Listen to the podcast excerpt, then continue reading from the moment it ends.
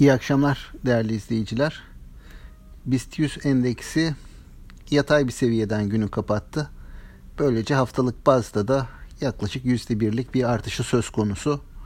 Bu hafta hafta başında malum yurt dışı tarafta özellikle ABD tahvil faizleri aşağıya gelmişti. Ee, bir miktar geçtiğimiz haftanın gerginliği hafif yatışır gibi olmuştu. Ancak haftanın sonuna doğru yine bu haftanın sonuna doğru ABD tahvil faizlerinde yükseliş e, devam etti. Dolayısıyla geçtiğimiz haftayı bıraktığı yerden yani haftanın ilk 3 günü görmüş olduğumuz o rahatlamayı silerek yeniden 1.60 seviyesine yükseldi 10 yıllık tahvil faizi. E, bunun tabii e, bize etkisi olumsuz yönde olmaya devam ediyor. Her şeyden önce TL üzerinde bir baskı yaratıyor. Bugün dolar TL 7.59-7.60 seviyelerinde günlük yaklaşık %1,5'luk bir değer kaybı söz konusu. Yine 10 yıllık tahvil faizleri uzunca bir sürenin ardından yeniden %14'ün üzerine çıktı. Şu an itibariyle %14.15 seviyesinde.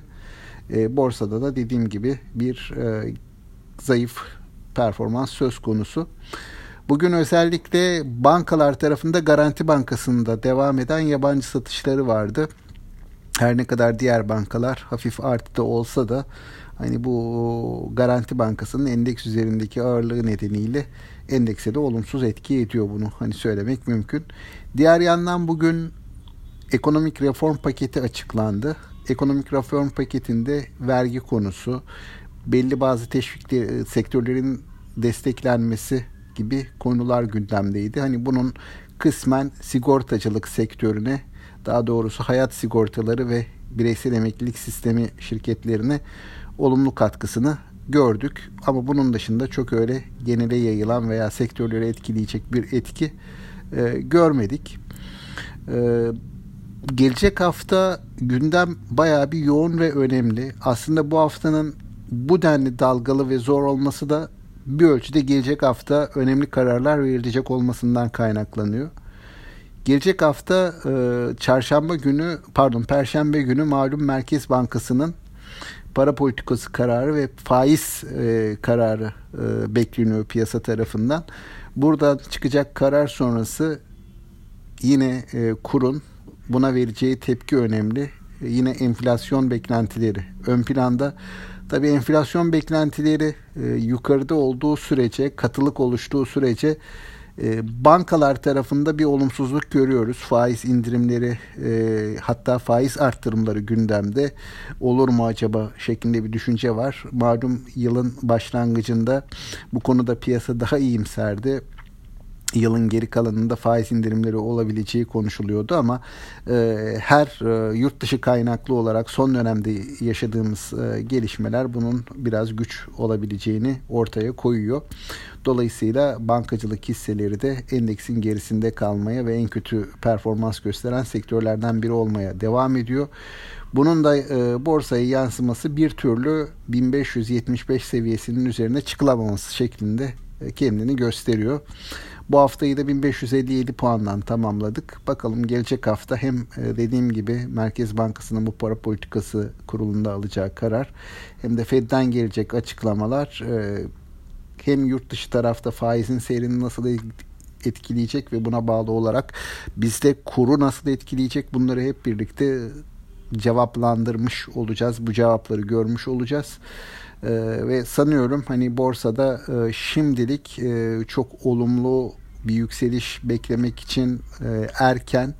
Hisse değişimleri devam ediyor. Bu arada tabi endeks içerisinde özellikle küçük ölçekli hisselerde yine yükseliş devam ediyor. Oralarda fiyatlanmalara dikkat etmek gerektiğini düşünüyorum. Bir fiyat düzeltmesinde yatırımcılar e, buradan zarar görebilirler.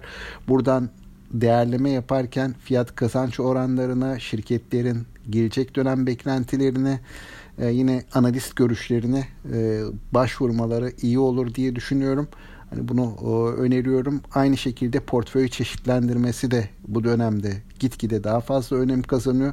Bu anlamda bizim daha önceki yayınlarda da belirttiğimiz üzere e, döngüsel sektörler dediğimiz ve bu Covid-19 ile ilgili toparlanmadan daha hızlı bir şekilde yararlanabileceğini düşündüğümüz daha doğrusu kapanmalar sırasında e, olumsuz etkilenen normalleşme ile birlikte e, bunu telafi edebileceğini düşündüğümüz sektörler var. Havacılık gibi, emtialar gibi, petrol, petrokimya gibi e, bu sektörlerden hisselere de portföylerinde yer bulundurmaları yer açmaları olası satışlarda veya piyasa tersine döndüğünde bir miktar koruma sağlayabilir diye düşünüyoruz.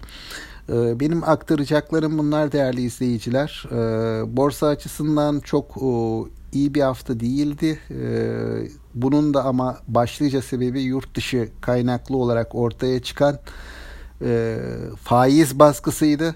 Bu faiz baskısı haftanın başında biraz azalır gibi oldu ama haftanın ikinci yarısında yeniden ön plana geçti. Bakalım gelecek hafta bu devam mı edecek yoksa bir miktar yatışacak mı bunu göreceğiz. E, buna bağlı olarak da borsada e, bir yön çizmeye çalışacağız kendimize.